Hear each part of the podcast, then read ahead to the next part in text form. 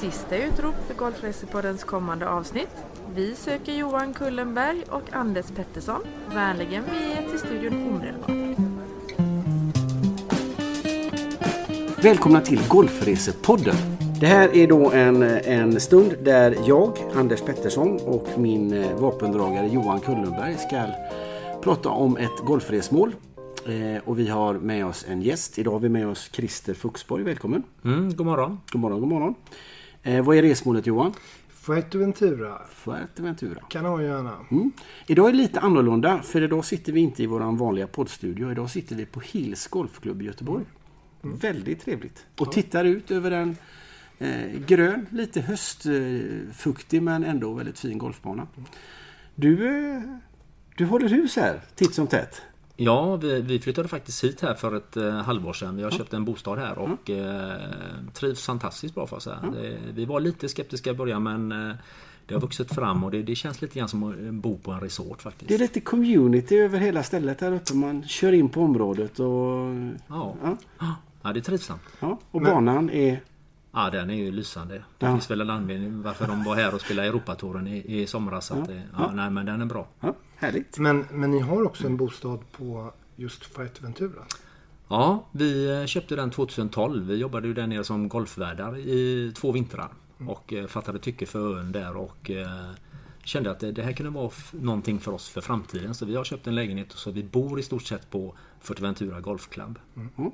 Därmed är ju Christer en utomordentlig gäst med total, total eh, produktkännedom. När vi då svamlar omkring med fakta som vi inte alltid håller ordning på så har vi facit med oss för en mm. gångs skull. Det är faktiskt väldigt bra. Eh, för, för det 2012, det är ändå ett par år som ni har bott där nere. Så att, eh, nu har vi en riktig expert med oss. Ja.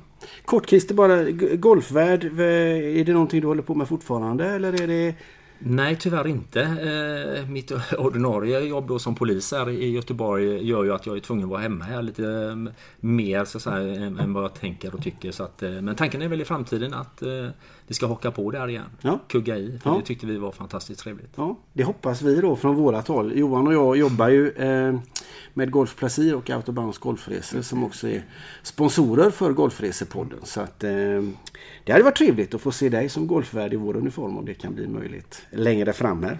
Det ser vi fram emot. Eh, om det är någon som känner igen rösten på Christer där ute så är det en, i alla fall i Västsverige, en lite halvkänd röst. Du, var hör man dig någonstans i vanliga fall? Ja, man hör mig väl ofta kanske på TV och radio och eh, kanske även läser om mig i olika media. Ja. I och med att jag jobbar som presstalesperson sedan sju år tillbaka. Ja. Så jag har väl 39 år inom eh, polisyrket som det är just nu. Vilket innebär att när det händer någonting i Göteborg eller Västsverige och du är i tjänst, då är det dig de ringer från TV och tidningar och TT? Ja, då är det, då är det en, en av sju som de ringer så att säga, för vi är sju stycken som delar ja. på den här tjänsten. Så att, eh, jag brukar säga det till mina kompisar, det är att eh, händer det något eh, dåligt, ja, ja. Då, då, är jag kanske med i både radio och TV och det känns ja. inte så bra egentligen. Nej.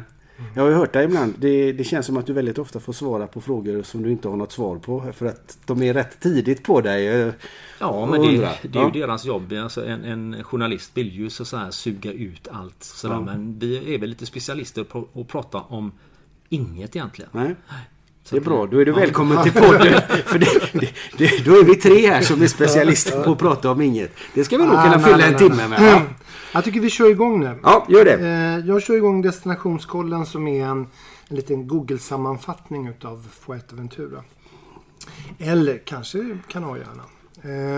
Eh, eh, det finns fyra golfbanor på Fuerteventura. Jag antar att vi allihopa har spelat alla banor? Va? Jag har inte spelat Plaitas. Jag har bara varit där och tittat. Okay. Men det är Fuerteventura Golf som du bor på. Och sen grannbanan Salinas. Sen är det då Pleita som ligger kanske en, ja, vad kan det bli? En dryg timme. halvtimme ungefär ja, från ja. Caleta. Mm. Och sen har vi då Chandia som ligger längst ner på, vad blir det? Blir södra delen? Södra delen. Ja. Det är en timme dit ungefär mm. därifrån där vi så fyra banor på ön. Eh, om man tittar på Kanarierna som helhet så är det väl upp mot en 25 banor totalt. Och det är fem öar som har golfbanor. Och det är då, förutom Fuerteventura så är det ju Gran Canaria och Teneriffa som kanske är de två öar som slåss om att vara golfdestinationen nummer ett på Kanarieöarna. De slåss ju dessutom lite grann om att vara Ja, dit. huvudresmålet bland Kanarieöarna. Två det- stora bröder och några små bröder. Ja, ja, och de är ju också de två största. Det är ju dit som flest turister åker. Eh, Lanzarote har också två banor och sen har vi då La Gomera som har en bana. Eh, om man tittar på de här eh, huvudöarna som är sju stycken så är det då La Palma och eh, El Hierro som inte har några golfbanor. Sen är det så att det har visat sig att det finns ytterligare några öar som anses vara öar. De, många av dem tidigare tillhört kanske Fuerteventura eller, eller någon av de här eh, huvudöarna. Men har blivit egna, egna regioner eller öar då, eller kommuner. Är det storleken Johan? Eller när blir man en egen ö? Alltså, jag, jag, alltså man är ju en egen ö hela tiden. Ja. Man kan ju som inte gå från att vara fastland till... Ja, ingenting är ju fastland här. Så att, men, men, men ibland så kan man ju höra till en ögrupp som då kallas Fuerteventura. Eh, men, men en del av dem har blivit egna öar och de var 13 stycken ett tag. Men då tyckte man att det var lite läskigt att man var 13 öar. Ja, det är så inte då, bra. Så då, då utökar man det till 14 öar om jag förstod det hela rätt. Men många av de här har ju bara ett par, ja, ett par hundra eh, invånare på sin höjd. Ja. Eh, ja, tittar man på, på Fuerteventura så är det en ganska lång ö egentligen. Den är lite som Sverige. Den är lång och ganska smal. Väl- Likt Sverige har rätt stora ytor som är helt obebodda, obefolkade och ödeland mer eller mindre. Det är ju ganska många, eh, vad man ska säga, sandområden. Alltså det här är ju den, den ö som har flest sandstränder utav alla Kanarieöar. Eh, och de har, ön är väl ungefär en 10 mil lång och 3 mil bred.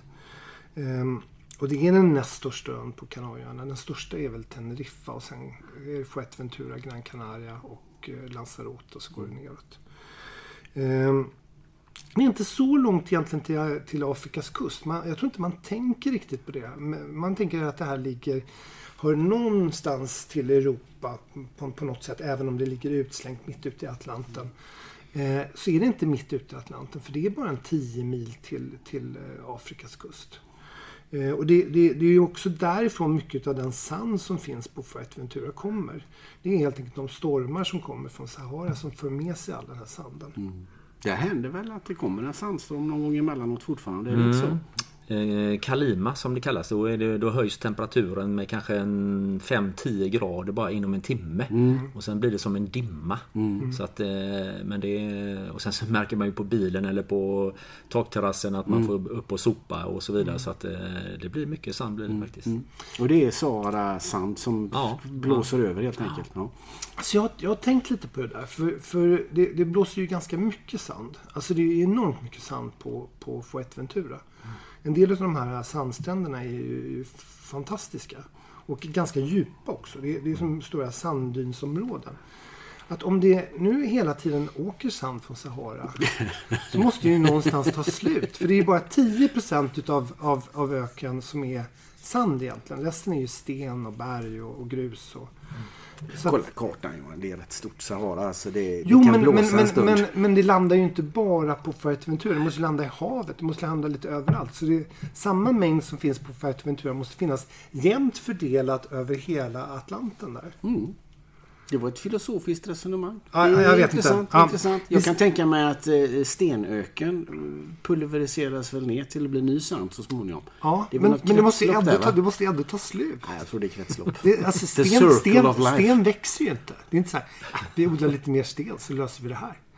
Alltså det, det är ju inget problem. Sa- Sahara får gärna vara, fortsätta vara sand eller grus eller sten.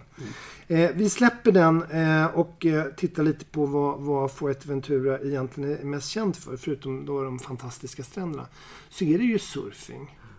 Det är, det är ju väldigt många surfare som är där. Det här, det här blir ju eh, någonting på början på 80-talet så eh, när jag tävlade faktiskt i windsurfing så var faktiskt Fuerteventura en av de öarna som folk åkte till för att träna på vintern. Okej. Så att eh, för mig var den ganska känd tidigt men inte som en golfdestination.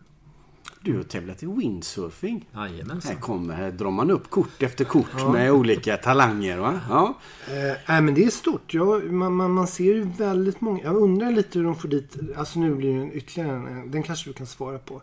Var kommer alla de här folkvagnsbussarna ifrån som alla de här vindsurfarna bor i? De kommer ju ofta från Cadiz. De åker ju färjan ner till Gran Canaria. Så är de ofta på Gran Canaria några veckor och sen så åker de över till Fuerteventura för att uppleva lite, lite annat än Gran Canaria. Så att, eh, Så de tar färja från fastlandet Ca- Cadiz till, till Gran Canaria och sen vidare då till Ja. Fuerteventura.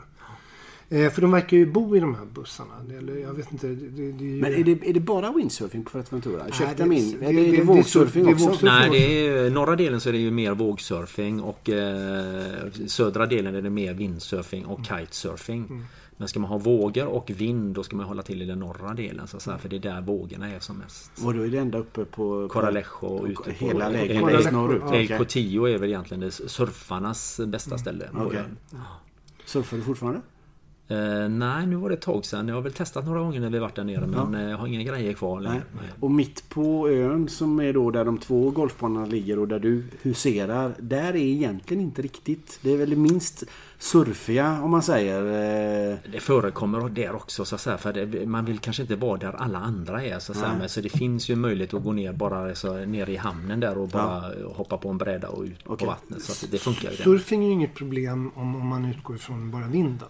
Eh, däremot vill man ha de här vågorna som man kan Ja, eh, sant, hoppa. sant. Och kitesurfing, då, då vill man ju gärna ha en annan typ av, av sjögång. Surfar du Johan? Äh, nej, men jag har surfat en gång i Skåne. Ja, hur gick det? Ja, jag, jag hamnade väldigt nära Polen.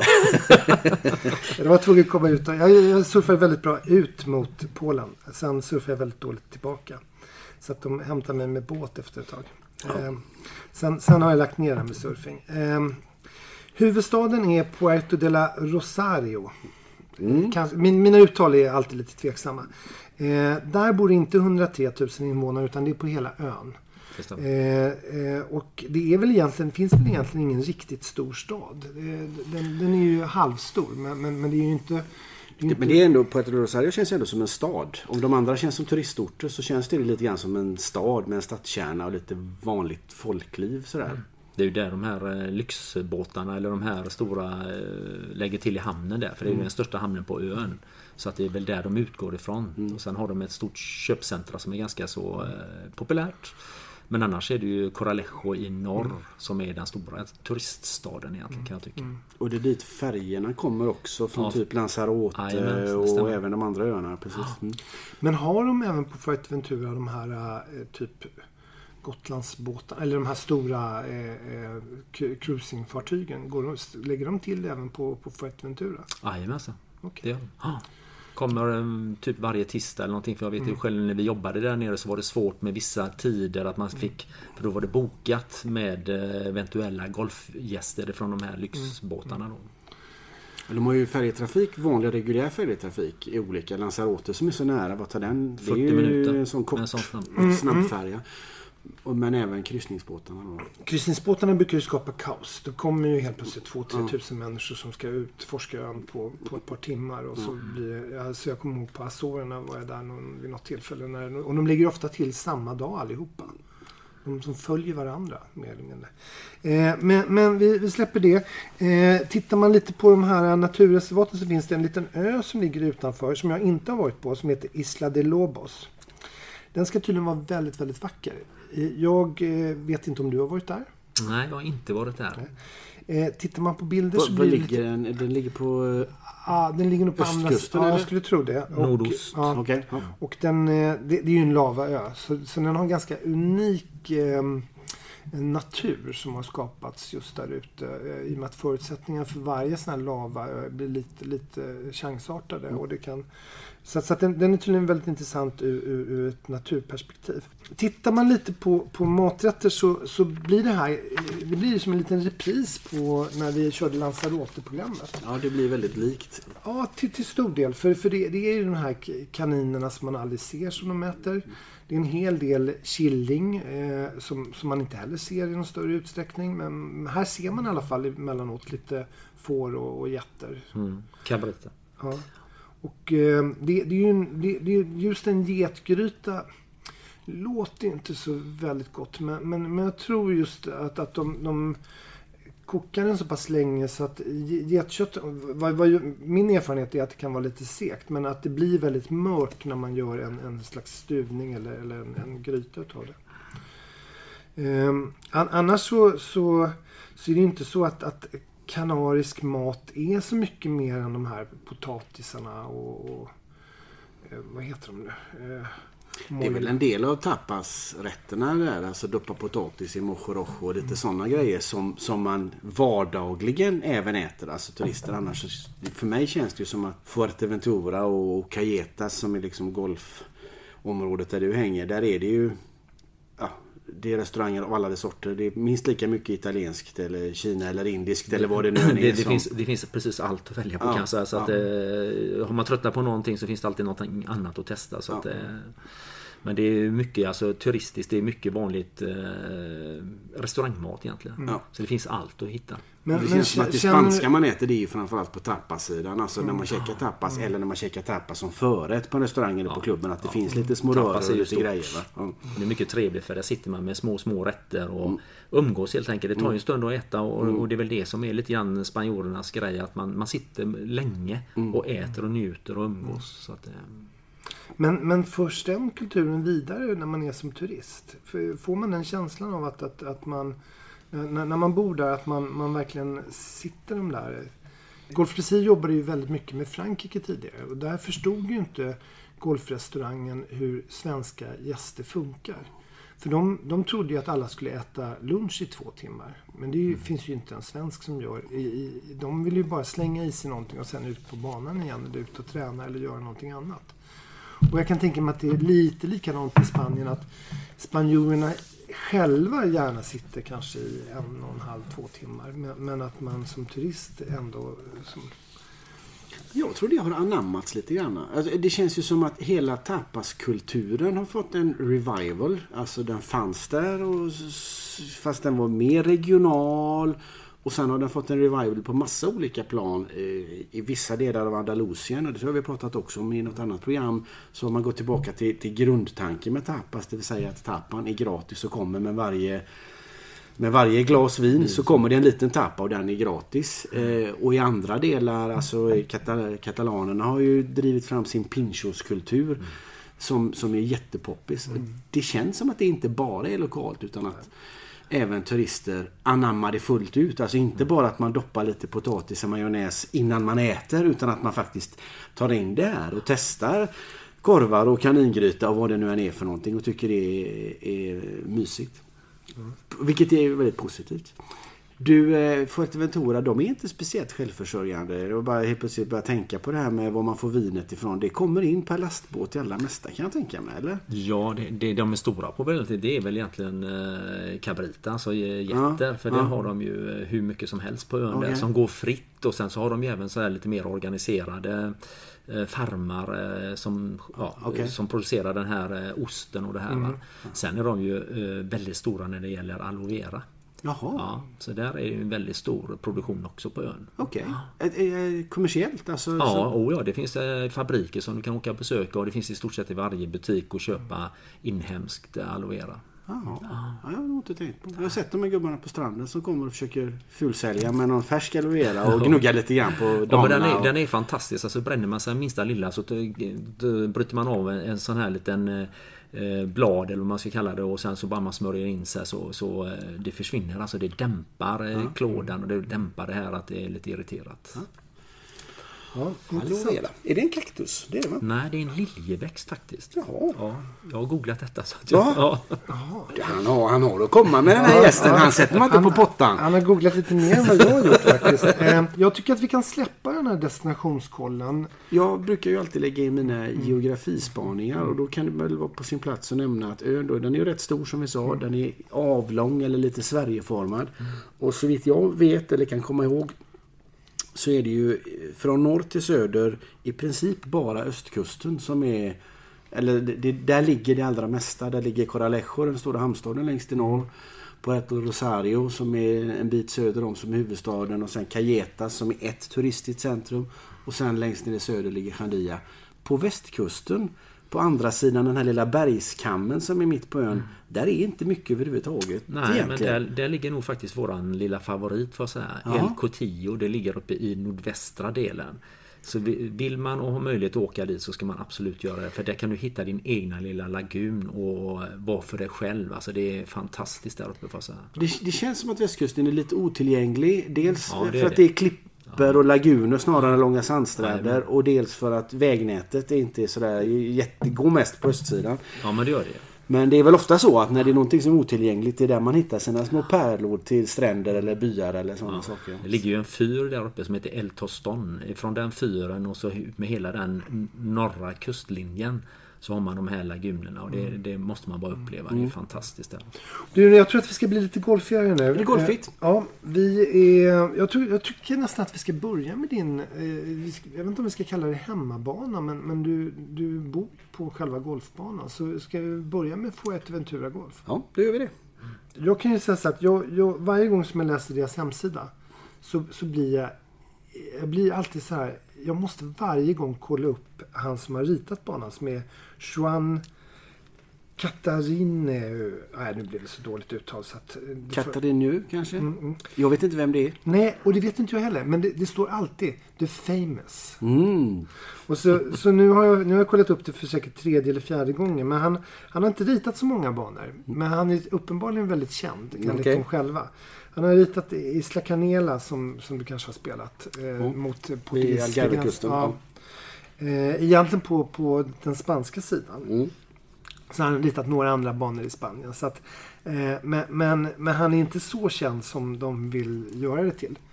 Däremot så själva banan den, den, den byggdes ju 2002.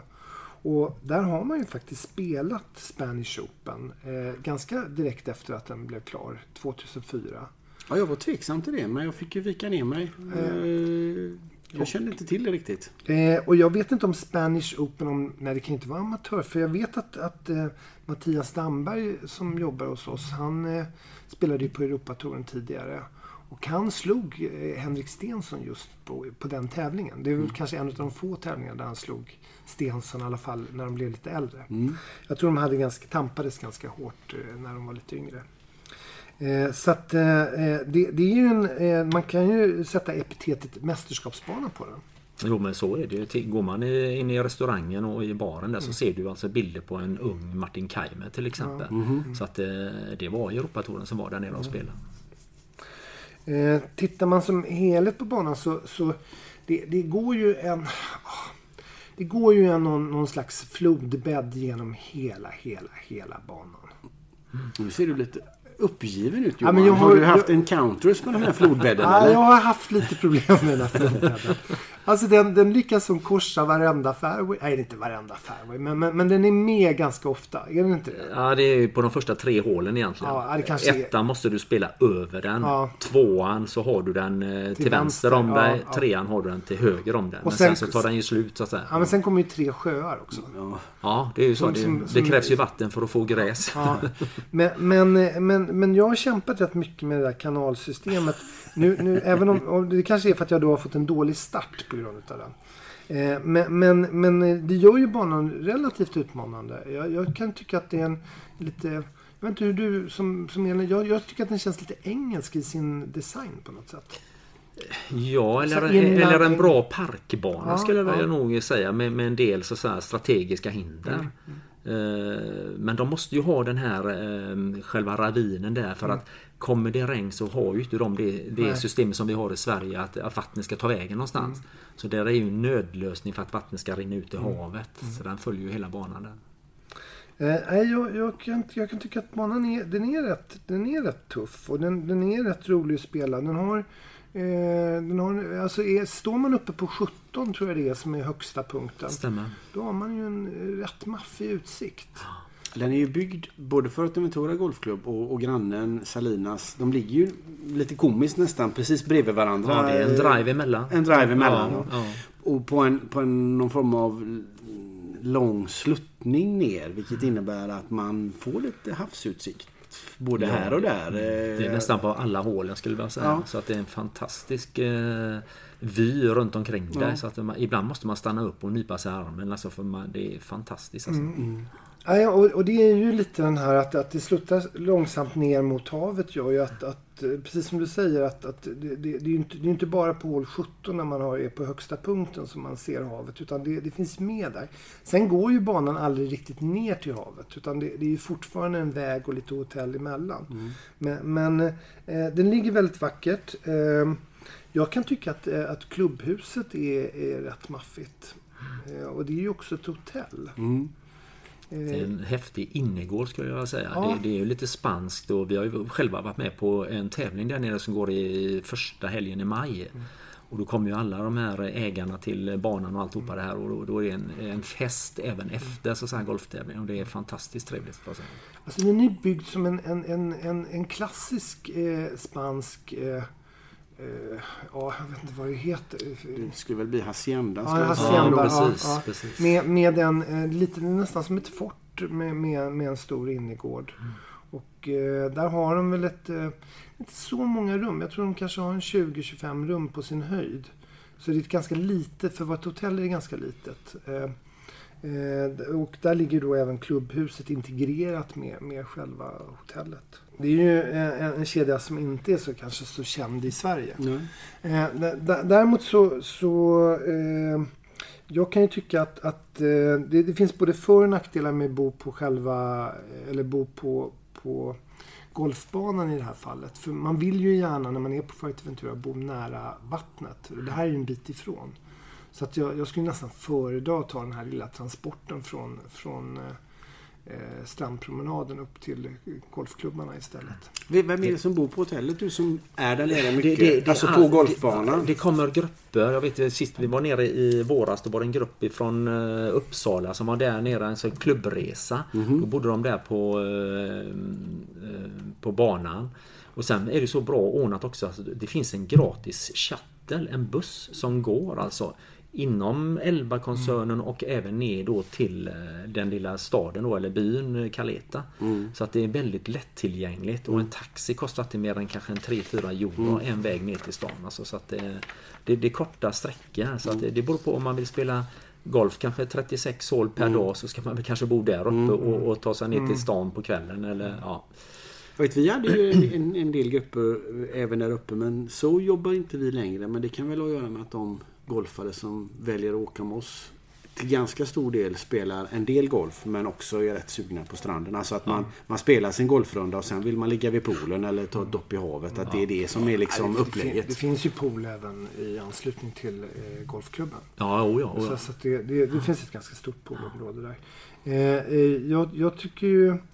Eh, ba- banan är ju relativt flack. Så den, även om man har den här nivåskillnaden så är det ingen bana som man behöver egentligen köra golfbil. Det, är- det är upp till 17 som kan vara lite jobbigt. Men Det är sen har man... kort mellan green och tee Ja. också så att det är inga Ja, lite- jättestora... Väldigt kompakt engelsk- anläggning Ja, ja. så. Allting Jajamensan. ligger eh, Det- integrerat. Det, det, som, det som kan hända om man är lite vidlyftig med, med driven det är ju att man, man faktiskt kan eh, slå in i någon, någons trädgård. För, för, eh, inte runt hela banan men, men runt delar utav banan så, så är det ju en hel del eh, villor Mm. som ligger på, på rad.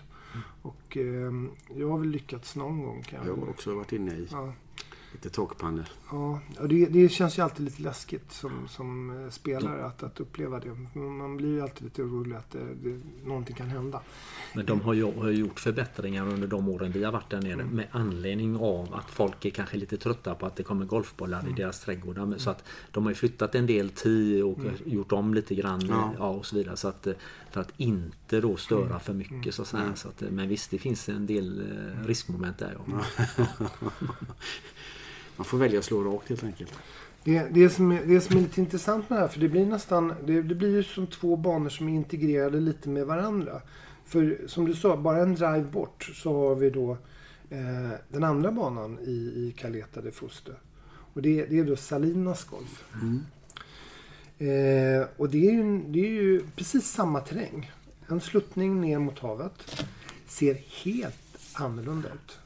Jag skulle inte vilja säga att det, att det känns inte som en sluttning utan det är en ganska så plan yta så att säga. För eh, Salinas där har de ju liksom eh, flyttat en del massor så att du får lite naturliga kullar mellan hålen och sådär. Men den är ju betydligt mer öppen bana. Så att eh, vi, det var våran favorit när vi flyttade ner, eller när vi började jobba som golflärare nere i början.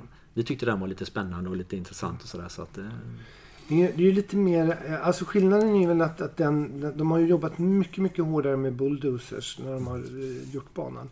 Och den är väl, den, den öppnade ju först 2006 så, att, så att det har ju också skett lite, eh, även om det inte är någon jättestor skillnad mellan 2002 och 2006 så, så, så börjar man ju bygga golfbanor på ett helt annorlunda sätt.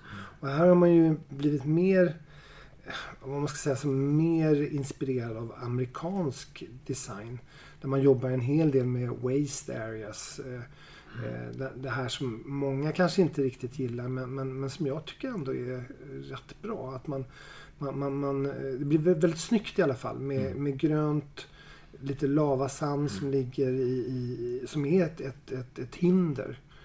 Det Eh, blir fina kontraster kan man Ja, säga. enormt fina kontraster. Mm. Och, och många utav, det finns en del hus runt den här banan också, men även om de kanske inte är riktigt, lika eh, många och riktigt lika tätt så, så de är ju terrakottafärgade. Så att det blir ju grönt, svart och terrakotta, vilket Mm. blir en, en ganska schysst kombination. Mm, det är snyggt. Det är Ja. snyggt. Sen, har- sen har du ett fantastiskt klubbhus där. Sitter man och äter en lunch efter rundan där. Du har ju en otrolig utsikt över havet, banan och in mot Kalet också. Så att, eh, Ja, men det, det, det är lite speciellt eftersom de säger, ligger precis bredvid varandra i samma sorts terräng då. Eller i alla fall innan man byggde golfbana så var det ju en, en, en lång sluttning ner.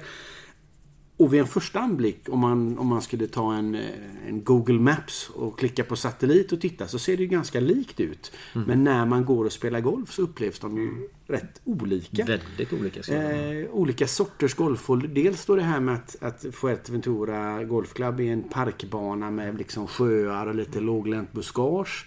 Salinas då inte så mycket eh, växtlighet överhuvudtaget men de här kullarna istället och den här lavasanden. Men även hål för hål så känns det mer liksom, traditionellt på Fuerteventura och lite tekniskt kort och knixigt. Vad ska jag gena? Eh, Spännande på Salinas på det viset. Då. Men det som är bra med båda banorna det är, det är ju bra eh, semesterbanor.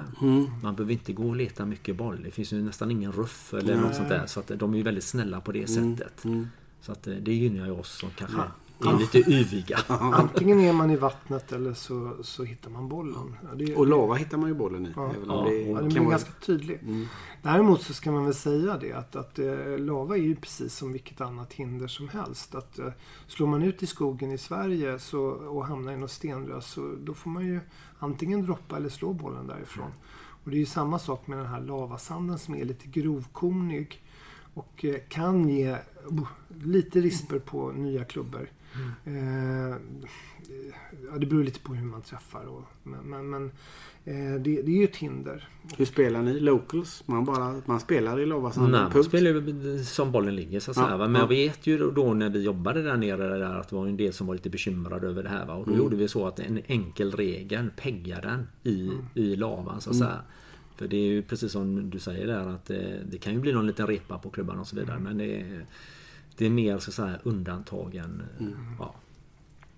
Ja, det är svårt det där att spela bollen som den ligger. Det, det är ändå den enklaste regeln som finns i alla sporter man kan tänka sig. Och ändå ställer det till det lite grann när man ska tillämpa den. Men jag vet många damer som vi hade som gäster där nere. De, de tyckte det var roligt med Salinas för att det var sällan de hade kommit in på två slag på en par fyra till exempel.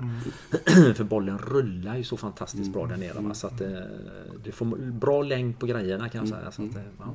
Vilken är favoritbanan nu? Så här, när ni är... Nej men eh, nu när vi bor på Fuerteventura Golf och spelar den betydligt mer än den andra så gör det ju att eh, där är man mer hemmatam så att säga. Va? Och där känner man personalen, man känner banarbetarna, man kingar lite och pratar lite och sådär. Så att, eh, men samtidigt så, så är det kul att komma bort till Salinas och få liten, en helt annan upplevelse. Och sen är ju maten på deras golfrestaurang, pizzan där, den måste man bara testa. Nej, jag har Nu hört rinner också... det lite grann här ur polistalesmannens mungipor helt plötsligt. Ja. Du, eh, nyfiken. Det här är ju en väldigt turistisk destination. Fi- Finns det medlemmar? Är det medlemsklubbar på de här? Alltså vi upplever ju inte som researrangörer några större problem att det är medlemmar i vägen. Vilket är, eller i vä- ursäkta men, men hur är det? Är det någon klubb? Jo men det är det. Eh, men jag tror inte att de är mer än kanske runt eh, 300-400 medlemmar på Fuerteventura Golf Club. Okej. Och de är ju oftast ute och spelar på söndag förmiddag. Och sen så ser man dem kanske ibland på sent på eftermiddagarna. Okej. Kommer ut och spelar. Men annars så, eh, så märker man inte mycket utav dem så att säga. Va? Så att, eh, och Salinas de har väl någon engelsk eh, eh, ja, klubb eller vad man ska säga. Klubb i klubben. Ja, klubb i klubben. Ja, community precis. Så de är väl ett eh, 40-50-tal som är medlemmar där och spelar. Så att, nej, jag skulle inte vilja påstå att man känner liksom att det är som i Sverige, mycket medlemmar och det här. Utan det är, det är grupper som reser dit för att få lite värme och sol och sådär. Är det, det är mycket engelsmän i Kajete överhuvudtaget? Ja, Kalite är ju eh, mycket engelsmän, absolut. Eh, Men det gör ju också att, att England och eh, Fuerteventura, det är kort tid flygresa, billigt att flyga mellan öarna. Och det gör att det är mycket engelsmän just i Caleta. Så att eh, tyskar i söder och blandat i norr ska man väl säga. ungefär. Det är lite konstigt men sådana här öar, det är ju samma på Mallorca och Gran Canaria. För att det, det, blir, det blir lite skiktat på något sätt. Att olika regioner söker sig till olika delar. Nu mycket italienare. Ja, jag tänkte säga det. Ja, Södra delen är mycket italienare. Ja, men även, även eh, hos oss så att säga, i mitten på ön där har mycket italienare. De har ju byggt lite nya eh, villor och hus nu runt mm. Fuerteventura Golf sen, sen en tid tillbaka när kanske det blir lite ljusare just med byggandet och, och köp eh, möjligheten för oss här uppe i norr. Så det är mycket italienare där nere nu också. Så det, Finns det någon svensk community likt Nej, eh, det är väl egentligen bara eller sådär? Det är bara ni? Ja, vi är inte många kan jag säga. Vi är väl kanske vad jag vet en fem, sex stycken svenskar som håller till där nere. Och bland annat då Helena som har en restaurang ihop med hennes gubbe. Ja. En portugisisk restaurang och henne åker vi alltid och träffar och så här, För då får man den senaste bulletinen och hon hjälper till med lite råd och rön och sådär. Så att eh, det känns bra. Lite, lite konstigt det. För, för tittar man på Spanien som, som retirement, eller vad säger man, som pensionärsland där folk köper hus och liknande. Så är ju Spanien, eh, har ju alltid varit eh, det som de flesta svenskar har sökt sig till. Ja.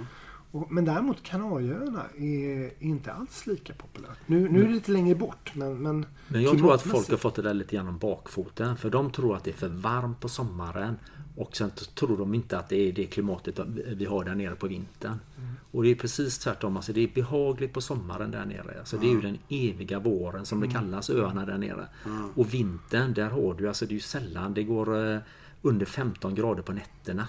Så jag kan gå i mina flipflops, jag kan gå i mina shorts i stort sett så hela du- vintern. Så fort solen sticker fram så har du en ganska behaglig Ja, temperatur. ja. 23-25 grader hela vintern. Så att det, är- Och så går det upp till en- 27-28 på sin höjd under sommaren. Ja, kanske lite till. Ja. Men inte mycket mer över 30 i alla fall. Nej. Men jag tror också att flygförbindelserna har ändrats de sista tio åren. Alltså Mm. när den stora bommen av att skaffa ett second home i Spanien, vad var det, 80-tal, 90-tal. Då gick det ju redan då massa flygningar till, eh, till Alicante och till Malaga eh, i, med hög frekvens. Medan det var lite svårare att köpa bara en flygstol till framförallt till Fuerteventura kan jag tro, men även till Gran Canaria.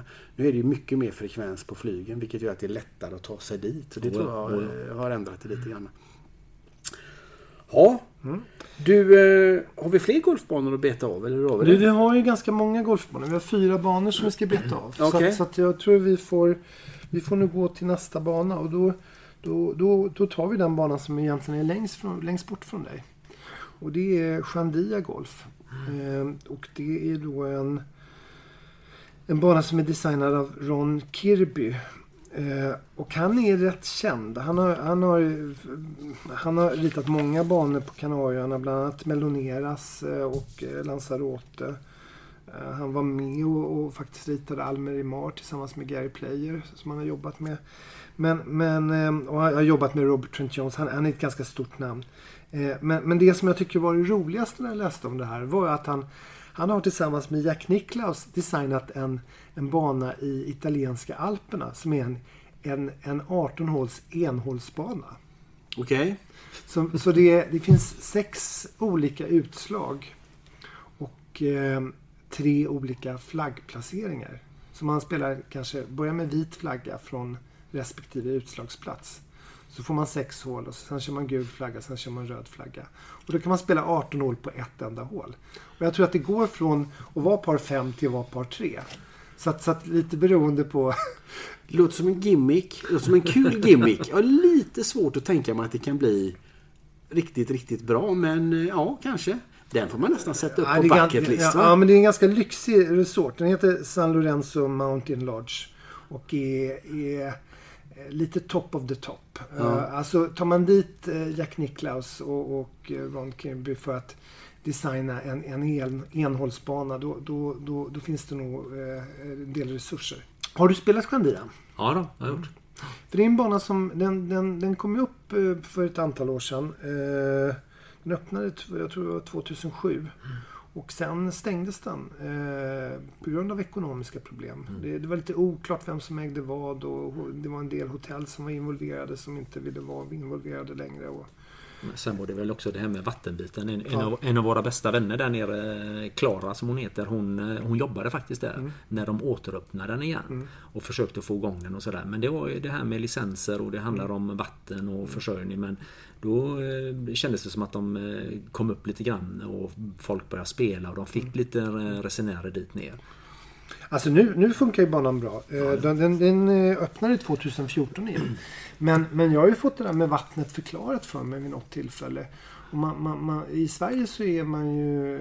Här på Hills har ni ju inga problem med vatten kan jag tänka mig.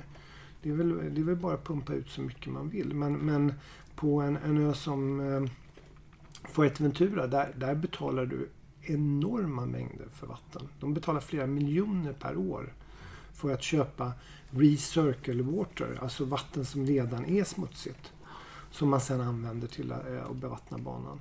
Så avloppsvatten går sedan ut som, som bevattning på, på de olika banorna. Och eh, det, det är inte så konstigt att de försöker spara in på det i, i den utsträckning de kan. För eh, jag kommer inte ihåg om det är en euro för, för en x antal liter. Och, och börjar man då tänka hur mycket en golfbana behöver så, så, så, så drar det iväg rätt ordentligt. Det där blir svårt rent politiskt kan man väl tänka sig. Om det är vattenbrist liksom. Hur ska man göra? Hur ska man prioritera? Man får ju antingen se det som att golfbanorna är viktiga för att dra dit turism. Som är viktigt för att ön ska ha en god ekonomi. Men det, det kan, man kan ju förstå de politiker som kanske viker ner sig och tycker att herregud, nu är det vattenbrist igen. Ska vi verkligen slänga ut det på en golfbana? När vi kan behöva det i inte vet jag, det kan vara i jordbruk eller det kan bara vara i största allmänhet för att folk ska få vatten i sina kranar. Så att eh, den är lite speciell. En, en del det här vattnet är ju inte, det är ju inte dricksvatten som de använder utan det är, det är ju ett, ett, ett vatten som är, är avloppsliknande vatten. Nu låter det väldigt otrevligt med avloppsvatten men det är, det är, Avsaltat vatten skulle jag vilja kalla det. ja, det är väl en kombination Ja. också att man, man använder man använder delvis avsaltat vatten till en viss mängd som man sen blandar upp med, med eh, vatten som har renats eh, kanske, eller filtrerats en eller två gånger istället för åtta miljoner gånger för att bli dricksvatten. Eh, Så att, så att det, det, det är en kombo där. Nu är vattnet relativt salt i alla fall. Så, så, att, så att det är inte helt enkelt om man inte använder vissa typer av eh, grässorter. Så det, det kan lätt gå fel om man blandar för, för, i fel proportioner. Så, så, att, så att eh, då dör gräset. För det, det klarar inte hur mycket salt som helst. Vad man kan nämna också det är för Fuerteventura Golf de är mer eller mindre självförsörjande med vatten. För de tar ju alltså vatten från sina egna hotell. Och sen har de en egen reningsanläggning som de då använder och sen för att använda på golfbanan. Okay. Men det Vad är, menar med det? Att de är egentligen lite mindre beroende utav att det, att det de- kommer lite regn och att politikerna är välvilligt inställda till att hålla kranen öppen och så Ja, vidare. För att de sköter sig själva. Plus att de använder ju vattnet två gånger kan man säga. Okej. Så att i och med att de eh, återanvänder det. Mm, mm. Ja, Chandia Johan, vad har vi för sorts golfbana där då? Alltså den, den går ju i en dalgång. Eh, även här finns ju ett vattenhinder som förföljer den. Eh, en, en ravin snarare. Men, men eh, jag kan ju tycka, jag gillar ju den här banan. Jag, jag tycker den är ganska intressant. Jag tycker ett ganska snyggt öppningshål. Sen eh, hål nummer två är en, en grymt svår par, par fyra faktiskt. Där man står ganska högt ner i en dalgång, ska upp mot en green som vaktas verkligen utav ett vattenhinder. Eh, så- och därifrån har man sen en ganska fin utsikt över, över eh, den här fyren och, och stranden och alltihopa. Så att, så att banan ligger rätt vackert uppe i bergen. Och, och, eh, oberoende om man tittar ner mot havet eller om man tittar upp mot bergen så, så är utsikten väldigt vacker. Jag tycker bergen i bakgrunden är jättefina och, och eh, sandstranden är ju jättefin i sig. Eh, sen, sen är det ju... Vad ska jag säga, det är väl... Det finns några hål som, som kanske är lite tveksamma. Det finns något väldigt kort par fyra som, som man eh, slår ganska mycket ner för. Men, men eh, överlag så är det en, det, det är en bra designad bana. De hålen i själva dalgången är trevliga. Det är något på baksidan av hotellet man går upp där som känns lite som att man inte fick riktigt kanske plats med alla 18 hålen där man det, det, ville är ha lite, dem. det är lite dolt också. Ja. Men, men, men det är som vi brukar säga, slå rakt så är det inga problem. Nej. Nej. Ja, det det är något blint utslag där på hål nummer 11 tror jag det är. Eller något sånt. Men, men, eh, men däremot så, så är det ju lite... Eh, det är ju en lång sträcka mellan hål 10 och 11. Eh, om, om man inte åker golfbil, vilket man egentligen inte behöver. Även om den här banan är lite mer kuperad än, än, än både Salinas och, och eh, Fuerteventura Golf som egentligen är platta. Eh, så, så sträckan mellan hål 10 och 11 är nog en par fyra. Ja. Så man går Sakta, Segt- sakta uppför segt uppför. Ja, segt uppför. Vi hade faktiskt golfvagnar när vi var där och spelade och det tar ut sin lilla rätt, ja. Och det är konstigt det där. Det är inga problem att gå en parfyra som är lite segt uppför. Då går man hur lätt som helst. Man bara stoltserar fram. Och, men däremot om man ska gå mellan, Mellan ett hålen, hål. ja. Då, då är det helt plötsligt hur jobbigt som helst. Nej. Men, men, men eh, det är väl den, den designmissen som jag kan tycka. Och det handlar väl rätt mycket om att man, man ville klämma in det här golfhotellet som, som är någon slags eh, golflägenhetshotell som, som, som ligger på själva banan. Eh, annars så ligger ju de flesta hotellen nere vid vattnet. Så, så det är ju lite ett, ett undantag. Till skillnad från flodbädden på Fuerteventura så är den här lite sån här barranco, lite eh, ravinaktig tycker jag den som är i Shandia. Vilket gör Alltså de här öppningshålen de får en ganska dramatisk karaktär. Eh, vilket är kul. Eh, lite tuffare att spela kanske. Ser ju rätt svår ut när man tittar på bild utan att den... Fullt så svårt är det ju inte när man är där men det blir lite... Ja, lite dramatisk karaktär som det alltid är när du har en ravin längs med eller tvärs över va? Jag skulle nog säga att, att det, det finns några enstaka hål som är rätt svåra. Om, om, om tvåan till exempel är ju faktiskt riktigt svår. Och det finns några även på, mm, vad kan det bli, sexan, sjuan, det där.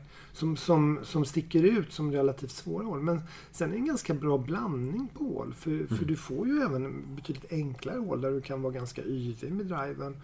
Och eh, relativt enkla inspelslägen. Så, så, så att jag tycker nog banan i, i sig är en, en utmärkt turistbana med, med lite edge. Mm. Eh, utan att vara någon, någon så här internationell toppbana på något sätt. Så, så, så, så tycker jag att den, den sticker ut lite med, med att, att den ändå... Den får ju lite karaktär av att, att den här eh, ravinen går igenom banan. Mm. Eh, så att jag tycker nog att den är rätt rolig. Ja, det är kul, kul att spela. Vad kan man säga om Chandia då jämfört med Cayeta? Det är två ganska olika sorters turistområden Ja, ändå. men det var ju som du sa Anders där att du har ju en, en strand som är ju... eh, Alltså den upplevs ju som att den är flera mil lång. Och eh, fantastiskt bad och sen så har du den gamla lilla staden Morojable som ligger i södra delen där färgerna också går mot Gran Canaria. Den lilla byn eller den lilla eh, fiskhamnen där nere, den ska man definitivt eh, besöka för det finns jättefina mysiga restauranger alldeles vid vattnet där nere. Men det är liksom, du har Morable som är då en jätteliten gammal fiskeby och sen är det mängder med hotell längs med, med en ganska lång del av stranden. Ja, ja. Till skillnad från Cayetas där det liksom är som en stad eller turistort med litet centrum eller vad man ska säga med restauranger och så ligger hotellen i den orten eller precis i närheten. Så där, de är ju ganska olika de här eh, orterna. Jag kan, jag kan tycka när, om man går tillbaka lite till golfbanan så om, om man ska ranka klubbhusen eller vad man ska säga så tycker jag att Salinas får eh, många pluspoäng på att, att mm, riktigt bra mat, fantastisk utsikt. Jag tycker att eh, Fuerteventura Golf har eh, den här hotellbyggnaden är så pass vacker och den här innergården gör att, att den också får Väldigt spanskt. Ja. Ja. Däremot så kan jag tycka att, att eh, eh, Chandias klubbhus är lite torftigare och lite torftigare meny faktiskt. Ä- Även om jag kan tycka att sitter man på uteserveringen är det inget problem. Det är mer om man sitter inne i själva då, då, då, då tycker jag att det inte riktigt den håller samma mått som de andra. Det känns väl som att det präglas lite grann av de ekonomiska svårigheterna som de ändå har haft. Att när, när man nystartade då var det allt fokus på banan. Liksom. Vad behöver vi för att få den här banan att komma igång igen? Och så la man pengarna på det istället för ett... Det, det inte spartanskt men det är ett ganska litet klubbhus som... eh, Lite funkisstil Ja. på det. Lite raka väggar och lite sådär. Ja. Ja. Det är, det är inget fel på, på klubbhuset alls så, men, men, men eh, just i jämförelse med de andra som ändå sticker ut lite. Eh, Jag kan ju tycka att, att, att när, när jag spelade banan, jag var där med, med egentligen senast jag var där var tillsammans med Jakob Sjöman Mm. och fotograferade en del från banan. Och då, då, då var den i, i, i, det- faktiskt i bra skick, riktigt bra skick. Så att de har ju lyckats, även om banan har varit i träda några år, så har de ju lyckats få både griner och, och, och fairways att, att, att, att verkligen komma Ja. tillbaka på ett bra sätt. säga. Jag hade en liten, lite kul grej där för, för det, det, det, jag vet inte om hur det är på, på hela ön men, men den här sandstranden den är ju enorm och den är, den är väldigt djup också. Det, det, det, det, det är säkert 150 meter sandstrand, alltså i djupet och sen är det kilometervis som man kan gå. Så vi gick omkring där och skulle ta lite foton. Tänkte att vi tar väl lite foton på några surfare. Och Sjöman gick omkring med sin, sitt teleobjektiv som är eh, typ en meter långt. Och så upptäcker vi att vi är på nudistdelen utav, av stranden. För det, det, finns lite, det finns en hel del tyska nudister som springer omkring halvnakna. Ja, men det, det finns någon sån här uh, gyllene regel att är man söder om eh, fyren eller norr om fyren Ja. så då är det nudister och sen är det vanliga badare på andra sidan fyren. Så, så, så att, eh, men Vi- så är det lite grann över hela ön faktiskt. Lite tyska nudister sådär. Ja. Så att, eh, För vi var definitivt norröver. Och det, kändes, det kändes otroligt konstigt att gå omkring med, med, med ett, ett, ett jätteteleobjektiv när man är på en nudiststrand. Så, att, så att vi, vi, vi stack rätt snabbt. Johan, har vi en fjärde bana? Ska vi mata oss igenom Playitas också?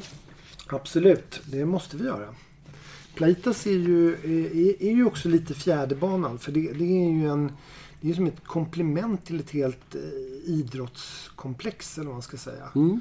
Plaitas är ju en, en, ett, ett idrottsresort. Eller vad ska, vad, Ja, får man väl säga. multi, multisportanläggning. Något åt det hållet, ja. Väldigt högt träningsfokus, även om det är en turistanläggning. Eh, Det är ju Apollo som äger och driver den där anläggningen och har ju en mängd olika eh, program eller koncept man kan åka Alltså, ner det på. Man kan yoga och träna och alltihopa. Och de har även rätt mycket renodlad sportträning.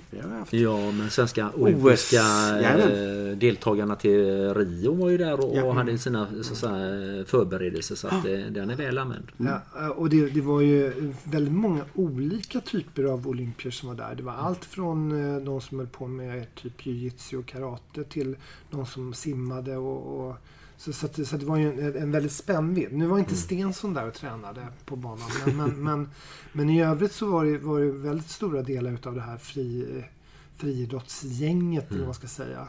Eh, och de, de, de har ju verkligen både satsat och lyckats få, få dit väldigt många träningssugna Ja. svenskar. Ja, ja. Det, det har blivit som ett, ett det, kanske det bästa alternativet om man ska, om man ska träna.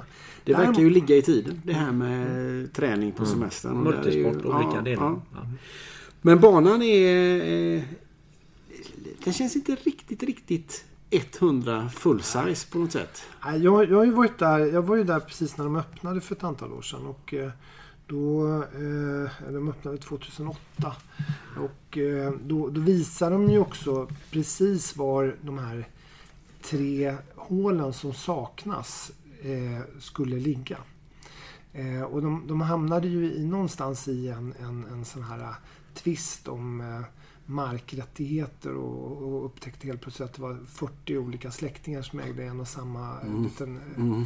Och någon ville ha en miljon och nästa ville skänka bort den. Och det gick som inte att förhandla med någon. Så att, så att banan är egentligen ritad på ett helt annat sätt än vad den nu är. Nu är det par 67. Och det är fem hål på hotellområdet. Och det skulle egentligen bara vara två hål på hotellområdet. Det andra skulle bli träningsområde.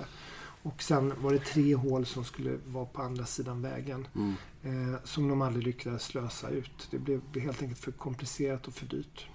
Och det är jättesynd för då hade banan varit eh, förmodligen den bästa på hela, på hela ön. Det kan Eh, jag tänka mig. Ja. men, men, men nu blir det istället eh, lite, lite rumphugget på något sätt. Ja. Det är ett par 67 ändå. Det, det, det börjar kännas närm, närma sig pay and play även om det är riktiga golfhål.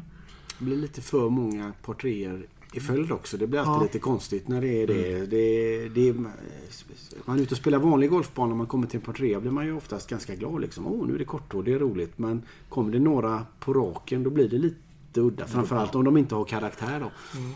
Men den här ligger ju också i, i någon form av eh, eh, ravin så att säga, Ja. mellan två toppar. Så att det, den ligger ju fantastiskt fint för sig. Också mycket utsikt ner mot havet. Så att, eh, Men är det en bana man åker till? Alltså skulle ni åka Nej, med det ett väl gäng det- engelsmän från Fuerteventura Golfklubb ner för att spela en... Nej men det kanske man gör för att, eh, för att liksom att, eh, ha en ny upplevelse Ja. under den tiden vi är där Ja. nere och så vidare. Så att eh, den är ju värd att åka och spela, absolut. Ja. Eh, Men sen är det precis som du säger, det är ju lite många korthål är det Mm. ju. Så att eh, visst. Det, Fördelen är väl om, om, om man verkligen vill, om man vill spela 36 hål varje dag så går det ju relativt snabbt att spela banan i och med att den inte är så lång. Men, men eh, annars så ser jag inga fördelar med par 67.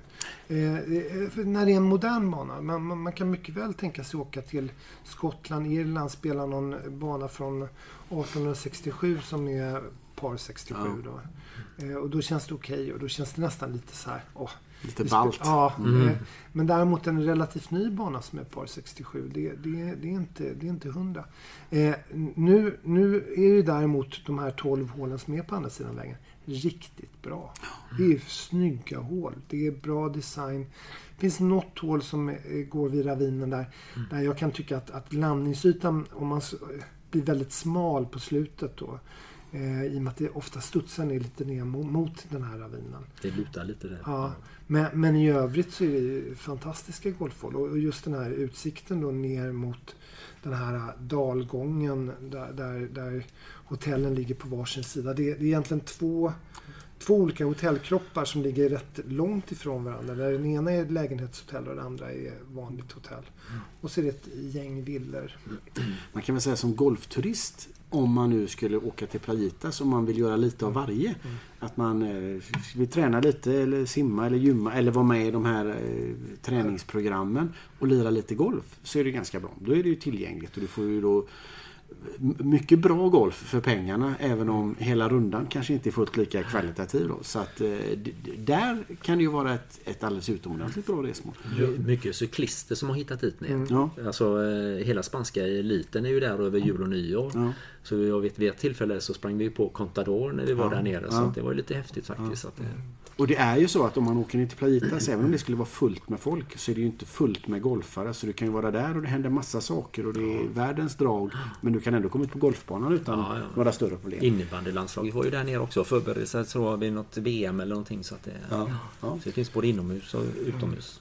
Det är en enorm idrottsanläggning som, som helhet och det är lite synd att banan inte riktigt håller samma klass. Däremot så, så det är lite som Anders säger, det beror lite på vad man har för syfte med resan. Eh, Jag, skulle, jag har varit ner med, med, med min familj vid något tillfälle och jag skulle gärna åka ner kanske nu är inte aerobics riktigt min stil, men, men, men gå en, en aerobicskurs eller något liknande och sen spela lite golf vid sidan om och ligga även vid poolen och, eller, eller nere vid stranden.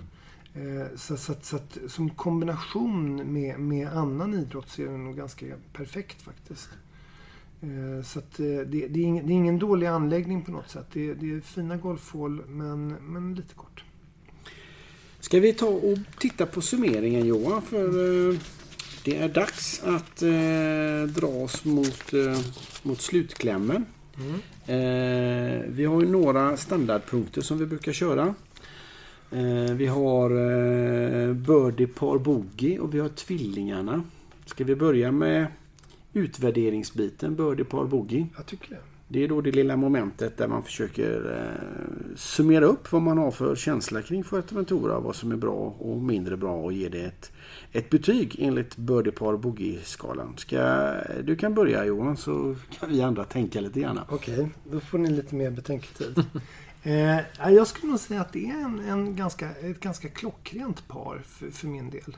Jag, tycker att det finns väldigt mycket positiva eh, saker med Fuerteventura. Det är hela det här strandlivet, eh, golfen, värmen.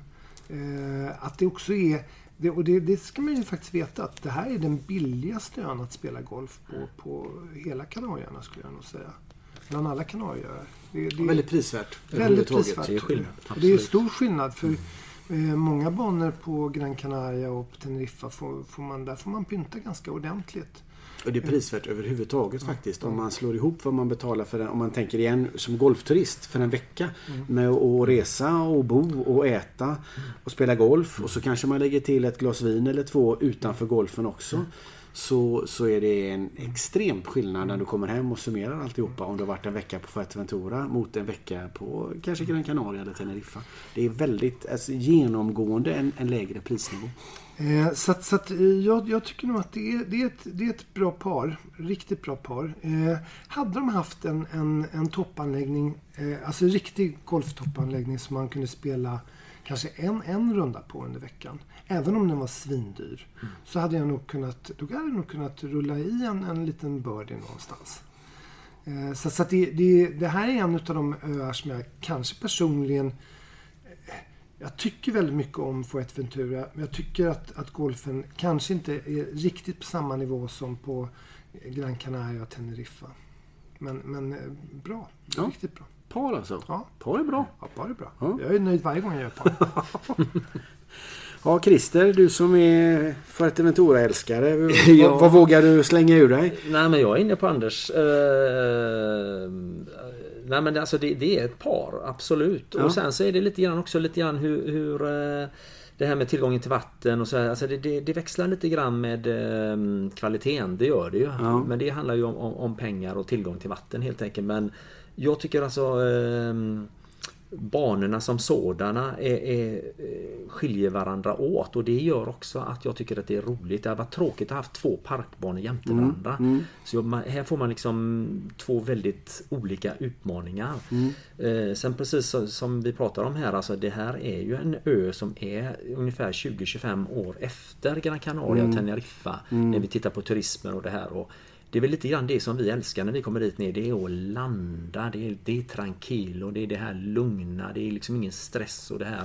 Inte mycket trafik och det är, liksom, det är lite manjana, lite mer kanske än vad de andra det är väl lite island life, det här surfbiten mm. som jag eh, gillar också så att säga. Mm. Nej men eh, alla är väldigt tillmötesgående, alla hjälper till på alla sätt och El Basara som vi bodde på då i två vintrar, fantastiskt hotell och mm. personal så att Nej, det, vi gillar det och det är väl därför vi till slut köpte den här bostaden där nere och mm. tycker att det här är kanske någonting för framtiden med pensioneringen och klimatet framförallt mm. på vintern. Mm. Det är mm. helt otroligt. Jag tror det där är, är, är nog essensen eh, någonstans mitt, mitt i den eh, betygsläggningen med att man är Det är inte så jätteutvecklat eller färdigbyggt.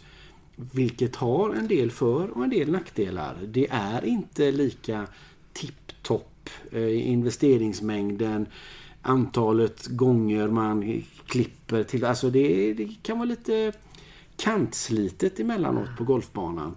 Eh, men det är inte heller lika stressigt, lika eh, körigt, lika eh, mycket trafik och allt möjligt. Utan det är, det är lugnt, det är stillsamt och vill man att det ska vara top of the line hela vägen om man vill dricka märkeschampagne och äta ostron och spela en riktigt, riktigt, riktigt välmanikurerad bana. Nej, kanske inte. Vill man spela golf, ha det trevligt och, och koppla av till en jädrigt bra peng. Då är det spot Och dessutom uppleva de här sandstränderna. För ja. stränderna, där, där finns ja. det ju ingen annan ö som finns i närheten. Ja. Vi har eh, en eh, punkt till och det är veckans tvilling. Där vi ska då hitta ett resmål som påminner eh, och motivera detta. Du, du får fortsätta börja Johan. Ja, eh, jag tror att jag har en ganska bra tvilling och det är väl, det är väl den mest naturliga tvillingen. Det är ju grannön, eh, Lanzarote. Alltså de är nästan ihopkopplade. Det är en liten, mm, vad man ska säga, båtfärja på... Sund. Ja, det, tar väl, det tar väl nästan en 40 minuter att åka över. Men, men, men, men, men det är relativt nära. Så att, så att eh, eh, kulturellt, eh, visuellt det, skiljer det sig lite. Det är inte lika, det är mer lavasand på, på Lanzarote och det är också eh, mer vulkaniskt. Eh, men, men i huvudsak ska man säga att, att golfmässigt så är det ganska lika. Det är visserligen bara två banor men, men de två trevliga banor. Eh, det, det är väldigt mycket resortgolf får man väl lov att säga på båda öarna. Man, man kommer aldrig riktigt upp, även om nu Fuerteventura Golf har arrangerat eh, Europatouren så, så får man väl ändå säga att, att det här är mer eh, resortgolf än, än elitgolf. Småskaligt och avslappnat snarare än eh, storslaget. Mm. Lanzarote är också småskaligt och, och avslappnat. Just, just att man har också har behållit bebyggelsen på max tre våningsplan eller vad man ska säga. De har ju någon slags regelverk runt det. Så det finns väl egentligen bara en byggnad på ön som är, är högre än så. Så att, eh, jag tycker det är en ganska bra tvilling. Mm. Det är en bra tvilling. Eh, jag var inne på ötänket också. Och eh, fyra banor, mycket turism, sol och bad som huvudsaklig del och golfen inte så framträdande. Och då landar jag på Cypern. Eh, tänker mig då att eh, Cypern åker mängder av turister till, eh, likt Fuerteventura. Eh, och kanske inte har golfen i första rummet utan man tänker sol och bad eller surfing eller andra saker. Eh, golfbanor av lite varierande standard. Eh, Cypern har ju Aphrodite Hills. Eh, riktigt bra och, och eh, men har också haft genom åren, eh, om man tittar liksom tio år tillbaka, lite uppstartsproblematik om man säger så. Eh, Tzada Golf som blev Mintis Hills och som har behövt byggas om och som var på väg att gå i träda men lyckades överleva och ja, lite grann över det. efter sin, sina eh, företrädare runt omkring Spanien. Eh, man kan eh, hitta sandstränder som är lite öde och vara för sig själv. Man kan hitta små mysiga byar uppe i Polis på nordsidan. Eller man kan gå ner på gågatan i Pafos och precis som i Cayetas hänga med gäng engelsmän som sjunger karaoke och, och vrölar lite grann. Så att, ja, där! Den är, den är inte är bra. klockren men jag, jag är ganska nöjd ändå. Ja, den, eh, och framförallt så är det bra klimat där också. Bra klimat. Så, Ja. att, så att de, där är de lite jämförbara. Alltså Cypern har nog bland det bästa klimatet i Medelhavet. Det där eh, för oss mot slutet. Eh, Vi har faktiskt en rabattkod också. det ska vi ha ja. Ska vi trycka in den? Vi trycker in den innan vi säger hej då tycker jag. Och då är det naturligtvis rabatt om man åker på resa till Fuerteventura. Är det generellt eller är det något speciellt resmål? Johan, tänk- du som är rabattkodsansvarig. Skulle, jag tänkte att vi skulle ta Chandia. Chandia. Eh, bara man bokar före första december så får man 500 kronor rabatt. Och det är alltså 2019. Så boka innan 1 december 2019 så får du 500 kronor rabatt på eh, resa till Chandia och koden GRP Fuerteventura. Ja. Vi skulle ju kunna tagit GRP Chandia istället. Men nu tar vi Fuerteventura. Bara för att det är så krångligt att stava till. Ja. Någon utmaning får man ju ha om man ska få 500 spänn i rabatt. Man får kämpa lite. Förutom att lyssna på hela det här programmet så, så får man dessutom gå någon slags stavningskurs. Eh, Christer, det var väldigt kul att ha dig här. Vi hoppas som sagt var att vi får eh, återse dig som golfvärd någon gång i framtiden. Det hade varit roligt. Det, Finns det med i planerna i närtid eller hur ser det ut? Jo men det pratar vi om eh, ganska så ofta när, när, hösten börjar komma och Ja. man börjar känna det här liksom temperaturen kommer ner i Sverige. Och, eh, men vi är inte främmande för att hoppa in något litet gästspel heller Nej, kan jag säga. Så att, eh, liksom för att upp, upprätthålla eh, den här känslan av att komma ner och, och umgås med folk och, och vara hjälpsamma på alla sätt och vis. Så att, eh, De allra flesta i i kollen och golfvärldar är ju antingen äldre än du och åt pensionärshållet till eller yngre än du och, och sådär. Men du, ni, ni tog det mitt, mitt i livet med lite tjänstledighet och lite Ja. pusslande.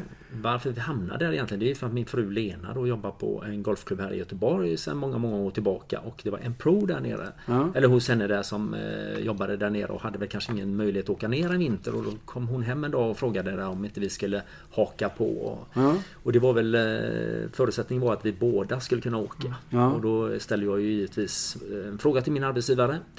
Så att första vintern var jag tjänstledig Ja. i sex månader. Ja. Och andra vintern så pusslade jag ihop med lite komp och lite semester och lite sådär. Så att det, men det, det funkade, vi löste det och som sagt var det, det var en eh, mycket trevlig upplevelse. Ja. Så att jag, jag rekommenderar många utav mina kollegor som kanske är i min ålder, snart 60, kanske funderar på att bli lite golfvärdar i Ja. framtiden. Ja. Vi har eh, faktiskt en och annan från Ja, polisyrket vi hade- som, eh, som är golfvärdar. Både aktiva och pensionerade. Det kanske finns eh, någon pedagogik som man bör ha som polis som man kan ha nytta av. Ordningssinne kanske? Ordningssinne ja. Och även kommunikativt kan jag Ja, tänka mig ja. med, med gäster som ska eh, få en Men ändå behandling. lite med Ja. glimten i ögat ska man ha. Absolut. Ja. Ja, nej, det hoppas jag verkligen. Det var roligt. Vi jobbade ihop på den tiden eh, och det var alltid glädjande. Det var idel glada miner för de gäster som kom tillbaka från era resmål. Det har varit väldigt trevligt att ha dig här. Tack för att vi fick komma till Hills, till din hemmamiljö. Den är väsentligt trevligare än våran vanliga studioinspelning. Eh, det var kul att höra vad du har att säga om Fuerteventura. Eh, och då tror jag att vi sätter punkt för dagens inspelning. Är du nöjd Johan? Jag är jättenöjd. Då säger jag tack så mycket till Christer, tack så mycket till Johan och tack för idag. Jag säger också tack så mycket. Tack själv. Okej, hej.